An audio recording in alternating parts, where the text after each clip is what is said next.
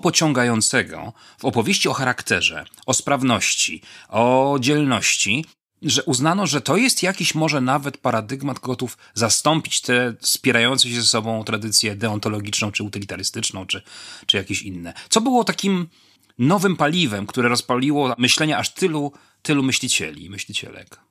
Mnie e, bardzo odpowiada ten partykularyzm, który niektórzy e, krytykują. To, że to jest odpowiadanie na racje moralne, że to nie jest takie uniwersalistyczne podejście. Tak? Nie zawsze maksymalizację szczęścia największej liczby ludzi prowadzą do szczęścia wszystkich, tak? bo zawsze jest pytanie o tę mniejszość. Nie zawsze przestrzeganie rygorów deontycznych jest najlepszym wyjściem, bo mamy ten kazus nazi at i e, tutaj ewidentnie widać, że trzymając się zakazu y, kłamania, no można doprowadzić do wielkiego nieszczęścia. Jak się prześledzi dyskusje historyczne, zaczynające się przede wszystkim od tego słynnego artykułu Enskom, to rzeczywiście ten antyformalizm wybija się mm, jako jeden z zasadniczych wątków.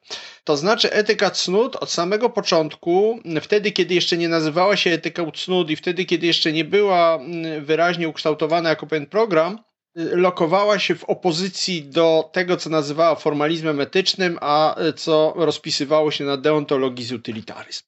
Ja w swojej książce dyskutowałam bardzo mocno z sytuacjonistami, czyli takimi etykami, którzy zainspirowali się y, badaniami w obszarze psychologii y, moralności. Uważam, że ta debata, z jednej strony, która miała pogrążyć etyków cnót, ona wyzwoliła w nich coś niesamowicie interesującego. Otwarcie, wyjście właśnie z takiej wieży z kości słoniowej, gdzie filozofowie y, bardzo dobrze się czują komfortowo wśród swoich kolegów filozofów, filozofów, a tu nagle zderzenie e, z inną dyscypliną, z wynikami badań w obszarze psychologii, e, empiryczną nauką, science, prawda? E, I teraz co tu zrobić, tak? Jeżeli te dane empiryczne no, miałyby rzekomo potwierdzać, że nie ma czegoś takiego jak trwałe dyspozycje do jakiegoś określonego działania. To jest chyba mm, coś, co pozostanie pewnym dziedzictwem mm, po tym paradygmacie, bez względu na to, jak się skończą jego dzieje.